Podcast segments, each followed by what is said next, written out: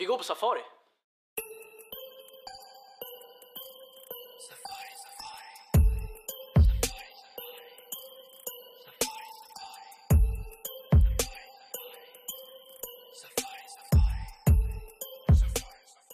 Hej och välkomna till Internatpodden Kenya avsnitt 2.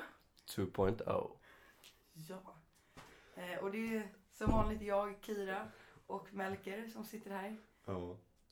Det såg en, för en sekund ut som att det inte skulle bli så igen, eller hur Kira? Ja, det var ju lite tveksamt. Ni har ju säkert märkt att det avsnittet som egentligen skulle vara avsnitt 2 och skulle ha kommit ut för en vecka sedan eh, inte har kommit, eller det har varit uppe men det har tagits bort. Eh, så att det finns inget avsnitt 2. Det kommer här. Ehm, och det fanns ju en anledning till det här. Eh, Den vet jag inte om du vill gå ut på. Gå ut på? Gå, gå ut med eller gå in på. Det blev en kombo där. Ja, alltså vi kan väl fatta det lite kort och säga så att vi spelade in avsnittet och det klipptes och det lades upp men eh, eh, vi kände helt enkelt, eller jag och eh, eh, vår gäst, gäst. Ja, kände inte riktigt att vi ville att det här skulle läggas upp. Av eh, anledningar gällande innehåll i podden. Precis, det Som- vi sa. Som vi kommer gå in på lite mer sofistikerat i detta avsnitt. Precis. Eh, och jag blev ganska irriterad på Kira under Ja. några dagar där. Vilket, både, vilket hon märkte av. Eh, det var lite kall stämning. Och det var just där det blev lite oklart huruvida vi skulle fortsätta med det här. Eller inte. Vi pratade ju knappt. Nej, På, precis. Och framförallt inte om det här Nej, överhuvudtaget. det var ju lite känsligt. Det har det faktiskt varit. Ehm, Men det löste sig. För Kira kom till mig igår och frågade om vi skulle fortsätta med det här. Med en väldigt glad attityd som jag inte hade sett henne på en dryg vecka. Vilket var väldigt kul och exalterande och då kände jag att absolut, nu kör vi. Eh, Men jag, bara så att du vet och förstår. Det jag framförallt blev arg över var ju att Jakob, vår producent, shoutout till Jakob. eh, En av våra producenter. hade ju suttit med den här ganska länge. Ja, jag vet, men det var därför vi också hade väldigt, eh, eller jag, jag kan inte prata för vår gäst, men jag hade också väldigt dåligt samvete just för den anledningen, för det var ändå så mycket jobb bakom den. Ehm, så det var ju lite jobbigt, och det var väldigt jobbigt för mig också att liksom säga att nej, det här går inte att ha uppe. Precis. Och sen vandrade den ju lite fram och tillbaks där på Soundcloud och podcaster. Mm. Men vi beslöt oss till slut gemensamt för att ta ner den och vi håller kvar vid att det var rätt beslut. Mm. Men nu är vi på det igen. Precis, vi kommer fortsätta köra podden och eh, Men vi har ju, vi, eller snarare kommer vi ju avvakta lite med tidigare tänkt upplägg just gällande gäster och så vidare. För det som gäller till en början med är ju att vi vill att ni som lyssnar ska få lära känna mig och Kira framförallt eftersom att det är vi som är värdar för den och programledare för den här podden. Och sen när vi känner oss tillräckligt bekväma i den rollen kanske vi förhoppningsvis kommer kunna ta in gäster. ja. Men i och med att Alma är en hittills så pass nära vän till oss, vilket hon blev under väldigt kort tid, särskilt och ja, den personen på internatet som Kira skrattar absolut mest med, ja. så var det inte upplagt för succé i ett poddsammanhang. Nej, det, det blev för internt och för, eh, eh, för liksom, man kanske inte censurerade sig på det sättet som, eh, Man vanligtvis gör. ja precis. För man tänk, liksom, vi har en rätt stor mick framför oss, men vi vill ju egentligen tänka bort den, men inte bli för vulgära eller grova. Precis, nej, men det är ju förståeligt att man kan verkligen inte, man kan inte säga vad som helst. Nej, för sitter du där med två personer som du trivs väldigt bra med så släpper du ganska snabbt på tyglarna oavsett sammanhang. Eh, Så enkelt är det. Mm. Men Men vi kommer eh, absolut ta in gäster och sådär, men eh, vi får se. vi får se när snarare. Precis. Vi fokuserar på att köra några avsnitt själva till att börja med. Ja. Eh, Och det ska nämnas att från och med idag och framåt så är faktiskt Internatpodden ett gymnasiearbete. Ja, det är jättekul. Det är faktiskt väldigt kul. Eh, Vi kanske ska släppa in den ansvarige för gymnasiearbetet en kort stund. Ja, Så kan hon få berätta lite. Oj. Välkommen vår producent och numera chef Emma Maritsen. Tack så mycket. Jag kan inte applådera. nu, nu kom den. Wow. Eh, ja, ja men jag bestämde väl idag egentligen att eh, vi hörs. Förlåt. Jag säger till Emma att komma närmare micken fast hon har hörlurarna på och hör exakt all ljudupptagning. ja. Nej, men jag bestämde väl idag att jag skulle höras med gymnasiearbete. Eh, det var vår lärare i gymnasiearbete som föreslog det faktiskt. Eh, så vi intervjuade lite om valet och skulle ha med det i förra avsnittet. Men... Vi planerar nu att lägga in det Ja. i det här avsnittet. ja. Shoutout till Micke Thelin, ja. samlärare. Eller han har ju inte sam. All, alla samhällsämnen utom sam. På gymnasiet på Svenska skolan i Nairobi. Det kommer han nämna sen. Eh, yes. Tack Emma. ja. Men eftersom att vi försvann lite ifrån det. Eller eftersom att det försvann. Det avsnittet där vi faktiskt hade ämnet safari Ja. som, eh, ja, som huvud, huvudämne i Ja. podden egentligen. Vill du bara lite snabbt? Ja. För vi hade ju väldigt kul när vi pratade om det. Ja, alltså det är ju väldigt kul för ni har säkert hört vår introlåt. Precis. Eh, det är konstigt om ni har missat den. Eh, och det är ju Safari med eh, Daniel Vincent. Försöker att uttrycka mig med respekt Kvinnor är bäst, de är inga objekt Shoutout till Daniel. Ja, eh, som är en, eh, en väldigt eh, speciell låt faktiskt. Eh, och den handlar ju då om, han sjunger då om safari. Och det han syftar på är ju kanske inte då en, eh, en djursafari. Eh, utan snarare en safari i skolkorridoren. Där djuren på savannen då är lammkötten. Ehm, ja, precis. Och det är ju det är en svensk låt och sen när vi är här och vi åker på rätt så mycket safari så tyckte vi att den var väldigt passande. Och den har ju även blivit vår... Eh, Vårt signum. ja, precis. Det är, det är, en, det är en låt som, som, ja, som jag tror att kommer förfölja oss kanske jag inte ska säga. Men, Men det kan nog faktiskt komma bli så att den Ja, faktiskt Ja, förföljer oss. precis. Förfölja oss typ hela året. Ehm, Men vi, vi bröstar det faktiskt. ja, vi gör För det. vi, den har ju i vårt syfte en ganska komisk klang. Ja. Men eh, det är en rätt catchy låt. alltså. ja, det är det ju faktiskt. Eh, och vi tyckte att i och med att vi är i Afrika, det händer rätt mycket eh, safa- det sker rätt mycket safari här i båda meningarna, just ute på savannen och den korridor som kan liknas vid en savann här på skolan. Men eh, det är komiskt och det passar in på Ja. båda, båda sätt och vis. Det är därför vi har eh, valt att ha den som vignett. Mm. Yes. Eh, Vill du nämna något mer om Safari för din del, Kira? jag, känner att det räcker där. Okej. Så det här inte går för långt på nytt. Jag är rätt nöjd när jag går på safari Safari, safari, safari, safari, safari, safari Safari, safari Jag är rätt nöjd när jag går på safari Safari, safari, safari, safari, safari, safari Safari, safari Jag är rätt nöjd när jag går på safari Nej, då så. Grymt. Nu kör vi lite Hänt i veckan. Ja. Vad har hänt i veckan, Kira? Ehm, det största som har hänt egentligen det är väl att vi i helgen åkte iväg på eh, safari camping. Eh, till Hell's Gate, den här nationalparken som ligger utanför Nairobi. Precis. Ehm, och vi åkte dit tidig lördag morgon, eh, kom hem söndag eftermiddag. Så vi spenderade en natt där. Och vi... Eh, Vi var i själva parken drygt dygn Ja. liksom. Precis. Såg en del djur. Vi lärde oss eh, också att Hellsgate, det här lilla meddelandet går ut till min storebror Ruben, shoutout. Eh, att just Hellsgate var där Disney hämtade inspiration för Ja.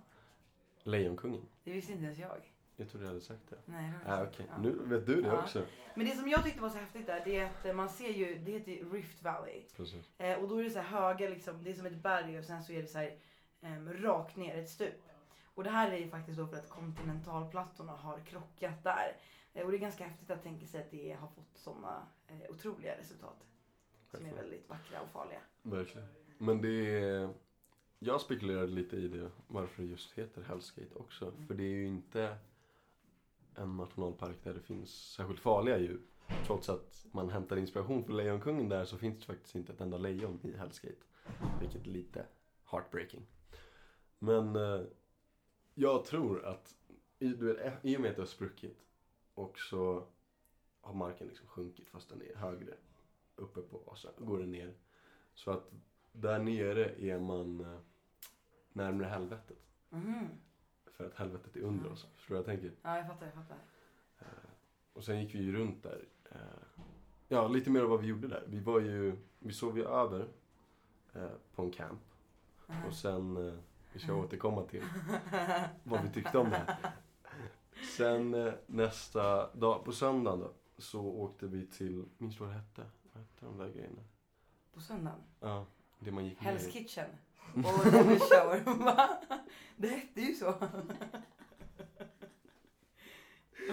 Jo men vi gick ner i en, så här, i en liten vandring där och sen så kom vi till någonting som hette Hell's Kitchen och han berättade det för att om man grävde en grop på vattnets varm så man kunde koka ägg där. Va? Ja, Massajen sa det. Det missade jag helt. Nej, men vi gick ju inte i samma eh, grupp. Nej, just det.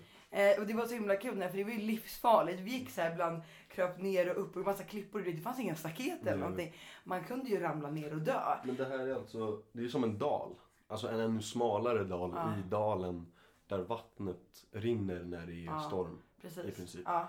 Och det har då skrapat upp, ja som en liksom, tänk er ja, en, tömd, en tömd flod. Fast har den sk- skrapat upp väggar och Mm. i det här finns massa stenblock och eh, ska man kalla det? Avtryck från, som eh, vattnet har satt. Och, och när det är regnsäsong där då kan man inte vara där för då är det Precis. fullt av vatten.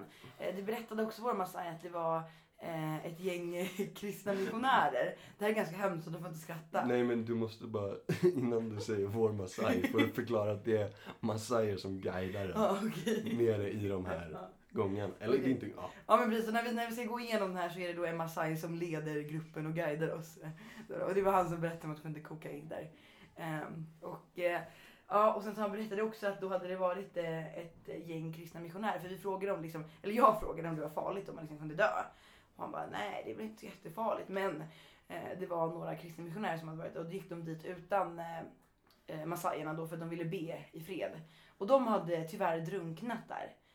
Ehm, vilket var, eh, men det kändes lite, lite läskigt liksom. Men de berättade, det vet jag inte om er guide berättade, i och med att vi gick i olika grupper, men att när, alltså, det blir som liksom stora floder med extremt tryck. Mm.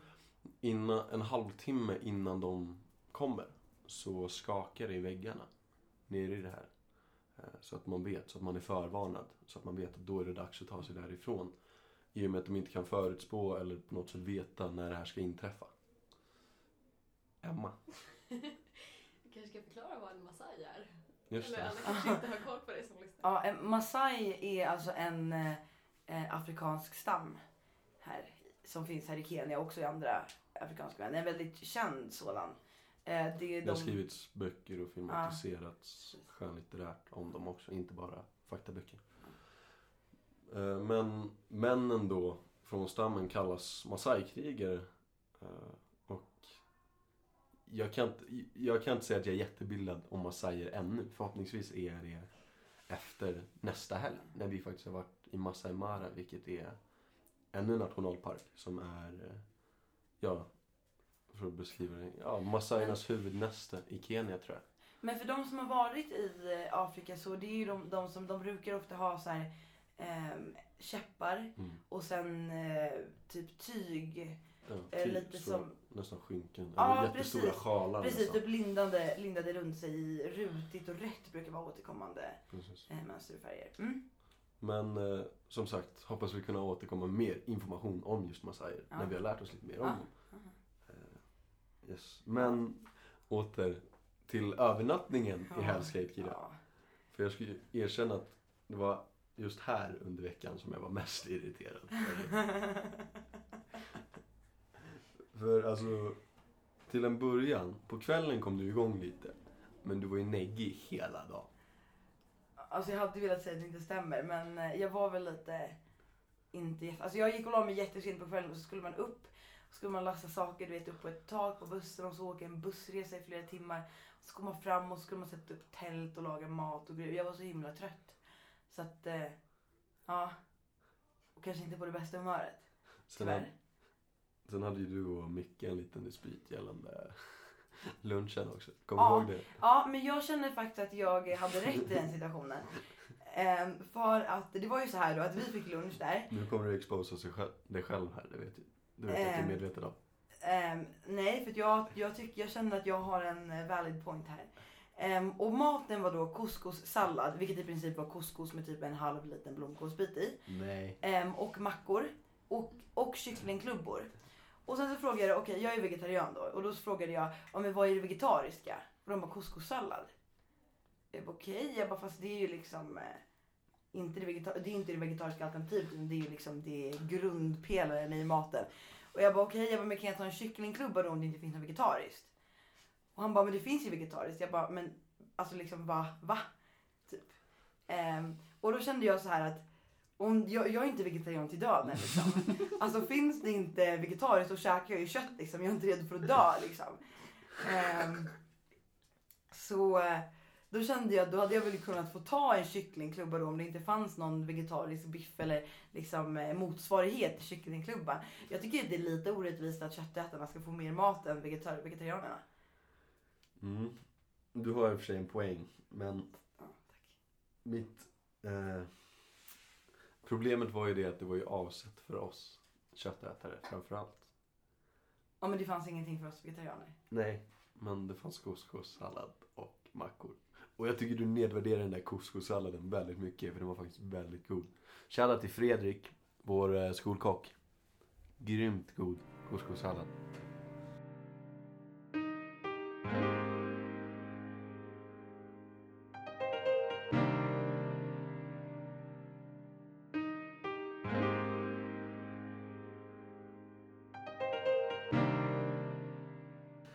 Fall, eh, du var rätt bitter. Ja. Och det märktes också att du inte njöt särskilt mycket av att vara ute i naturen. Nej, det är inte riktigt min grej det här med att campa. Ehm, det känns ju lite som att det känns ju lite som att man är strandsatt på en öde och inte kommer hem. Eh, det är ju lite den känslan man får. Och så är det så smutsigt och du vet det finns inga toaletter och sådana grejer. Men dock om jag har lärt mig någonting av den här campingen. Då är det ju att ehm, kissa på en toalett utan att sitta på den. Mm. alltså seriöst. Shit alltså. Det är ju ett jävla träningspass att stå där och huka. Ehm, Men de toaletterna båda eh, fick ju stopp. Ja, alltså jag, jag gick ju och kissade i skogen sen. Mm. Ehm, för jag gav ju upp. Det, fann, det fanns ju liksom två toalettanläggningar. En som var liksom spolbar. Situationstecken. Spolbar. Vilket var kanske första gången någon gick på toan där den helgen. Sen fanns det en som eh, Hugo benämnde den som babiantoan. För att eh, man just då hukar sig ner i ett Ja. hål i marken. Men den gick jag aldrig på, de tycker jag Nej. faktiskt är vidriga. Mm. Ehm, men när jag, när jag var i Tanzania och Mm. jag var på sjukhuset där, då fanns på sjukhuset då fanns det bara sådana där hål. Och jag var ju den som inte drack något vatten på hela dagen för att slippa gå och kissa. Nu är det jävligt taktiskt. ja. Så Låter bli att dricka vatten i Centralafrika. För att slippa kissa. Hjärnblödning alltså. Jag har märkt det nu liksom. Jag fick ont i huvudet i fredags kväll. Och det har fortfarande liksom inte gått över. Förmodligen tack vare värmen som vi faktiskt lever i. För att liksom det, det är så dovt på något sätt runt huvudet. Och solen ligger på och du hinner liksom inte helt och hållet återhämta sig.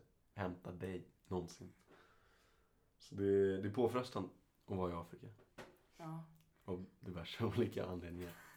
Jag hade i alla fall jättekul i Hellscape. Men jag hade ju inte jättetråkigt bara. Vi fick det ju faktiskt väldigt kul på kvällen.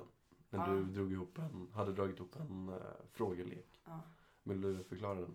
Ja, jag kan väl lite kort, men jag hade gjort så här lite olika frågor, så lite, typ lära känna frågor med lite, djupare. Det var typ 100 frågor. Eh, det var 78 typ. Men, Ja.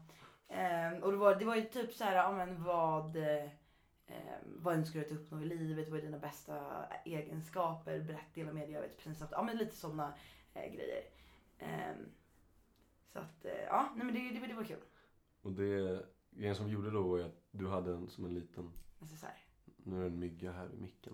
Så den blir jobbig att döda. Jag vet den är precis på Jag micken. vill inte slå mycket. Fick du den? Nej men det hade jag fan borde sagt ja. Men det som hände då liksom var att du hade som en liten necessär. nästan. Ja. pytteliten väska. Så fick man plocka upp en fråga var Ja, och läsa upp den för hela, så skulle man svara inför ja, hela exakt. gruppen. Och det var jättekul för vi var, var vi 22 pers. Och eh, våra lärare var med, våra mentorer. Vilket var väldigt kul och väldigt uppskattat av både dem och oss tror jag. Mm. Eh, Men så då läser man upp frågan så skulle man svara inför alla. Eh, Vilket då leder oss in på nästa punkt faktiskt. Vilket är veckans citat. Okej. Eller de går lite Ja parallellt. just det. just det, åh, det var det bästa jag har hört tror jag. Så då, vi körde då två runder Och på andra rundan så får först vår ena mentor Marie, shoutout till Marie, får eh, frågan eh, Vem i din familj skulle, vem i din familjs död skulle vara svårast att komma över eller Ja. något sådär, tror jag att det var. Varpå att hon svarar, jag har tre barn. Så det är ganska omöjligt att svara på. Vi bara, ja, fair enough. Vi kan förstå det. Och Mikael som då står bredvid Marie, eh, alltså läser han upp sin eh, fråga efter henne. Säger då att, eh, ja, jag fick väl något liknande. Men vilka är de tre viktigaste personerna i ditt liv? Varpå att Micke sen säger att eh, jag har ju bara två barn. Så det är väldigt enkelt. Och då, då kommer Tim, vår klasskompis, shoutout till Tim. Han säger då, så då väljer du Maries barn. Alltså det var så himla kul. Åh gud, alltså jag... Och det blev ju totalt gapskratt. Vilket var så jävla härligt. Eh, och det var så härligt att se liksom, våra mentorer. Liksom, att uh, nej, men liksom bilda en närmare relation med dem och snacka om saker utanför själva skolan och skolarbetet. Ehm, och på tal om eh, Micke då. ehm, så eh, det är ju så att nyligen, det var väl förra fredag var det. mm. Um, som eh, Kenya Supreme Court bestämde för att eh, valet inte var, vad säger man? Att, Det var att inte bli- giltigt. Ja, det var inte ett giltigt val. Så det ska nu bli omval här i eh, Kenya. Som kommer vara den 17 oktober. Eh, så nu har vi flyttat bak vår höstlovsresa till Mombasa, där är kusten. Precis. Eh, Så att vi är hemma till valet för att vi ska inte vara ute då. Ehm, Som Micke nu här får berätta lite mer om. Ja, Mikael heter jag, Thelin. Jobbar som lärare på Svenska skolan. Där har de samhällsvetenskapliga ämnena då. Så att, eh, ja. Ja, då ska vi prata lite om valet alltså. Och eh, då först ska vi börja med att prata om vem de två presidentkandidaterna är. Ja, Eh, det är ju jätteintressant. Den ena presidentkandidaten är ju Raila Odinga. Och den andra är Uhuru Kenyatta. Och det är två personer som eh, har varit eh, aktiva i det politiska livet under en väldigt, väldigt lång tid. Ehm, och tittar man egentligen då, man går ännu längre tillbaka i Kenias historia så, så ehm, har ju då släkten Odinga och Kenyatta har ju kämpat för Kenias självständighet eh, under den tiden då det var brittiskt så att säga. Och till exempel så den första presidenten Jomo Kenyatta var ju den som då kämpade för självständigheten under lång tid. Och när man blev självständigt 63 då så, så blev han första president. Så att här är två släkter som, som har varit involverade i det politiska under en väldigt lång tid. Och eh, tittar man på, förutom att de då är, är eh, involverade politiskt så, så Kenya har ju en, en lång tradition av en slags tribalism. Att man, man har en större samhörighet nästan med stammen än vad man har med Kenya som land. Ehm, och det, det är ju ganska tydligt också att eh, väldigt, väldigt många av de fattigare eh, som är i Kenya, de röstar på Odinga. Eh, för att han kommer själv från en fattig stam då, som är Lu. Kenyatta kommer från Kikuyu-stammen. Och det, det styr ju också lite grann tyvärr kanske det politiska livet. Att det är inte alltid man fattar beslut som kanske är bäst för Kenya. Utan man fattar beslut utifrån vad som är bäst för den egna stamtillhörigheten. Även om jag tycker att på senare tid så har Uhuru Kenyatta, han som först blev utropad som valsegrare. Han har försökt att eh, offentligt tona ner tribalismen och att folket mer ska rösta på politiken och tänka på vad som är bäst för Kenya. Mm. mm så det har alltså blivit? Ja, ja. Berätta lite om Ja. vad det innebär. Ja, alltså bakgrunden till det hela var ju att eh, tyvärr så förekom det ju en ganska tråkig retorik innan, redan innan det första valet. Eh, Det var ju redan när vi var här i våras till exempel så, så gick man ju ut ganska hårt med att eh, man tyckte att man hade stöd i, i valundersökningar att man skulle vinna valet ganska enkelt och ganska stort. Eh, och då, då lägger man in också att om vi inte vinner så tyder det på att den andra sidan har fuskat. Eh, och det är ju blir ju problematiskt för att man målar in sig själv i ett hörn. Eh, och när nu det visar sig då att, att Uhuru Kenyatta vann utifrån det som, som blev offentligt, då, då hade ju Odinga målat in sig i ett hörn. Att den enda möjligheten till att han skulle kunna vinna är ju att den sidan har fuskat. Eh, så därför så accepterade man ju inte valutgången utan eh, men det som var positivt var ju åtminstone att man uppmanade folket till lugn. Vi hade en tråkig valsituation 2007 som blev rätt våldsam. Ehm, och, eh, men man uppmanade folket till lugn och att man istället skulle gå eh, rätt väg så att säga. Det innebar att man drog fallet till Högsta domstol. Och att man tyckte att det fanns ehm, eh, eh, ja, vad ska man kalla konstigheter med, man har ett helt datoriserat eh, data, eh, röstningssystem helt enkelt. Och att man tyckte i den här överföringen från en dator, egentligen från de olika distrikten över till själva centrala datorn, så tyckte man att där måste röster ha försvunnit. Eh, man kallade det blanketter här nere, men det, ja. Ehm, och Högsta domstolen, eh, de har inte på något sätt hävdat att det var fusk, men de har konstaterat att, eh, att det fanns saker och ting som, som eh, åtminstone ställde vissa frågetecken. Så därför så bestämde sig Högsta domstolen, vilket var helt oväntat för oss. Det trodde vi aldrig de skulle komma fram till. Men de bestämde sig för att då gör vi ett omval. För att det inte ska finnas, rent rättsligt ska det inte finnas några misstankar om fusk. Ehm, och Högsta domstolen var inte ense, de som satt och fattade beslut. Men, men det var det beslutet de tog. Och Kenyatta som hade blivit utropad som valsegrare eh, kan ju jag personligen också tycka att han, han eh, bemötte det på ett bra sätt genom att helt enkelt då säga att han, han håller inte med Högsta domstolen men han respekterar deras beslut i en demokratisk, ett demokratiskt land som Kenya är då. Så, att, så därför så blir det nyval nu, eller omval. Eh, och sen så, eh, vilka konsekvenser kommer det eh, eventuellt att uppstå beroende på vem som eh, vinner det här nya omvalet? Ja det, ja, det blir väldigt mycket vad jag tror. För det är lite svårt att säga för att jag hade helt fel om, jag trodde aldrig att Högsta domstolen skulle komma fram till det beslutet de gjorde. Så att mm, förhoppningsvis, eller vad man nu ska säga, så, så eh, har jag fel igen. För att det som är risken det är ju att Odingas anhängare har sett det här som eh, som ett tecken på att nu har man konstaterat att det var fusk. Även om, om eh, eh, som jag sa innan, att Högsta domstolen inte på något sätt har sagt att det är fusk som gör att man ska ta omvalet. Utan det beror egentligen mer på att, att eh, det finns frågetecken kring vissa eh, i rösträkningsproceduren. Ehm, men eftersom de då ser det som att det var ett, eh, domstolen har gett dem rätt i att det var ett fusk så finns ju risken att Uhuru Kenyatta vinner igen. Ehm, för nu, alltså risken är lite grann att de har tagit ut segern i förskott. Och om de skulle förlora igen så finns det ju naturligtvis risk för att det blir oroligheter.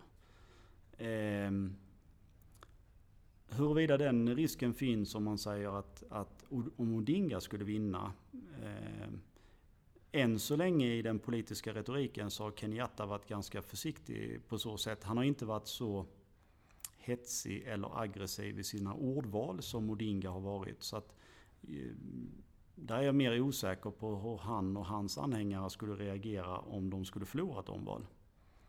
Eh, så det är svårt att säga egentligen. Eh, och, och jag, eftersom jag hade fel sist så vet jag inte riktigt vad jag ska tro. Men, men eh, när man pratar med många kenyaner så, så får man ändå uppfattningen att den stora, stora majoriteten önskar inget annat än att det ska bli fredligt och lugnt och att de kan gå tillbaka och det blir business as usual för att eh, många, alltså det är förödande för dem att inte kunna gå till jobbet. Det, det, de är beroende av varenda inkomst de kan få.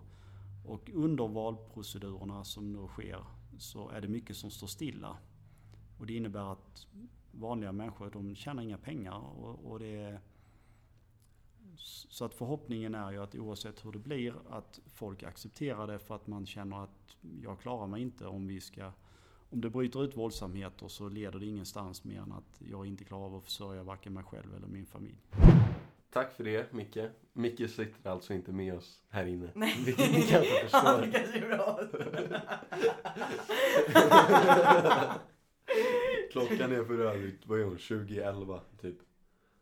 Det är en måndagkväll. 10.11. Ja. Vi ska egentligen vara tysta och nedbäddade om 12 minuter. Men uh, always living on the edge. Va? Men är inte ni klara? Ja, jag vet inte. Vi är klara alldeles strax. Alldeles strax. Vi har kört i 20 minuter, 22 så att Vad sa du? vi är på 22 minuter så att vi är klara ganska nu. Snart. Okej, så jag kan bara vänta. Absolut. Ja. Så nu eh, står ett helt gäng här utanför mitt fönster. Och spanar in. Bland annat, jag vet inte om ni hörde det. Bland annat eh, Ivar som är innehavare av micken. Shoutout till Ivar för att vi får låna din mikrofon. ja. Eh, big up. Men det är så det är här på internatet. Det är folk utanför fönstren och folk överallt. Precis, så ni får eh, vänja er vid ljudet Ja. som hörs i Eh, bakgrunden precis. ibland. Ja, och sen kan vi ju tillägga också lite kort bara att för förra veckan var vi på Elefantborghemmet, vi var på Giraffcentret. Det var jättekul, vi fick se eh, Jakobs före detta elefantbarn. Men tyvärr inte Emmas för vi gick innan, alltså våra producenter. Då. Nej men hur, var det inte att Emmas hade släppts ut i det fria? Nej. Max? Nej. Han är kvar, vi bara gick för tidigt. Max sa det. Nej, hans elefanter. Har ni en var? Ja. Max alltså då Emmas eh, lillebror, som också är här Yes. i Kenya. Jag klippte en mygga nyss. Ja. Eh, har du märkt att de kenyanska myggorna är så jävla mycket sl- Ja, men jag har snabbare suttit än jag har de suttit och svenska? kli, ja jag vet, jag har suttit och kliat i myggbett här om ni har något litet skrap. så är det jag som kliar mitt myggbett. Ehm, ja, Men ja, det var väl ett... Det var väl allt för idag Ja. egentligen. Har du något du vill tillägga med? Något du vill Eh. rekommendera för veckan? eh, det bästa som har hänt i veckan var att komma hem från Hellskate.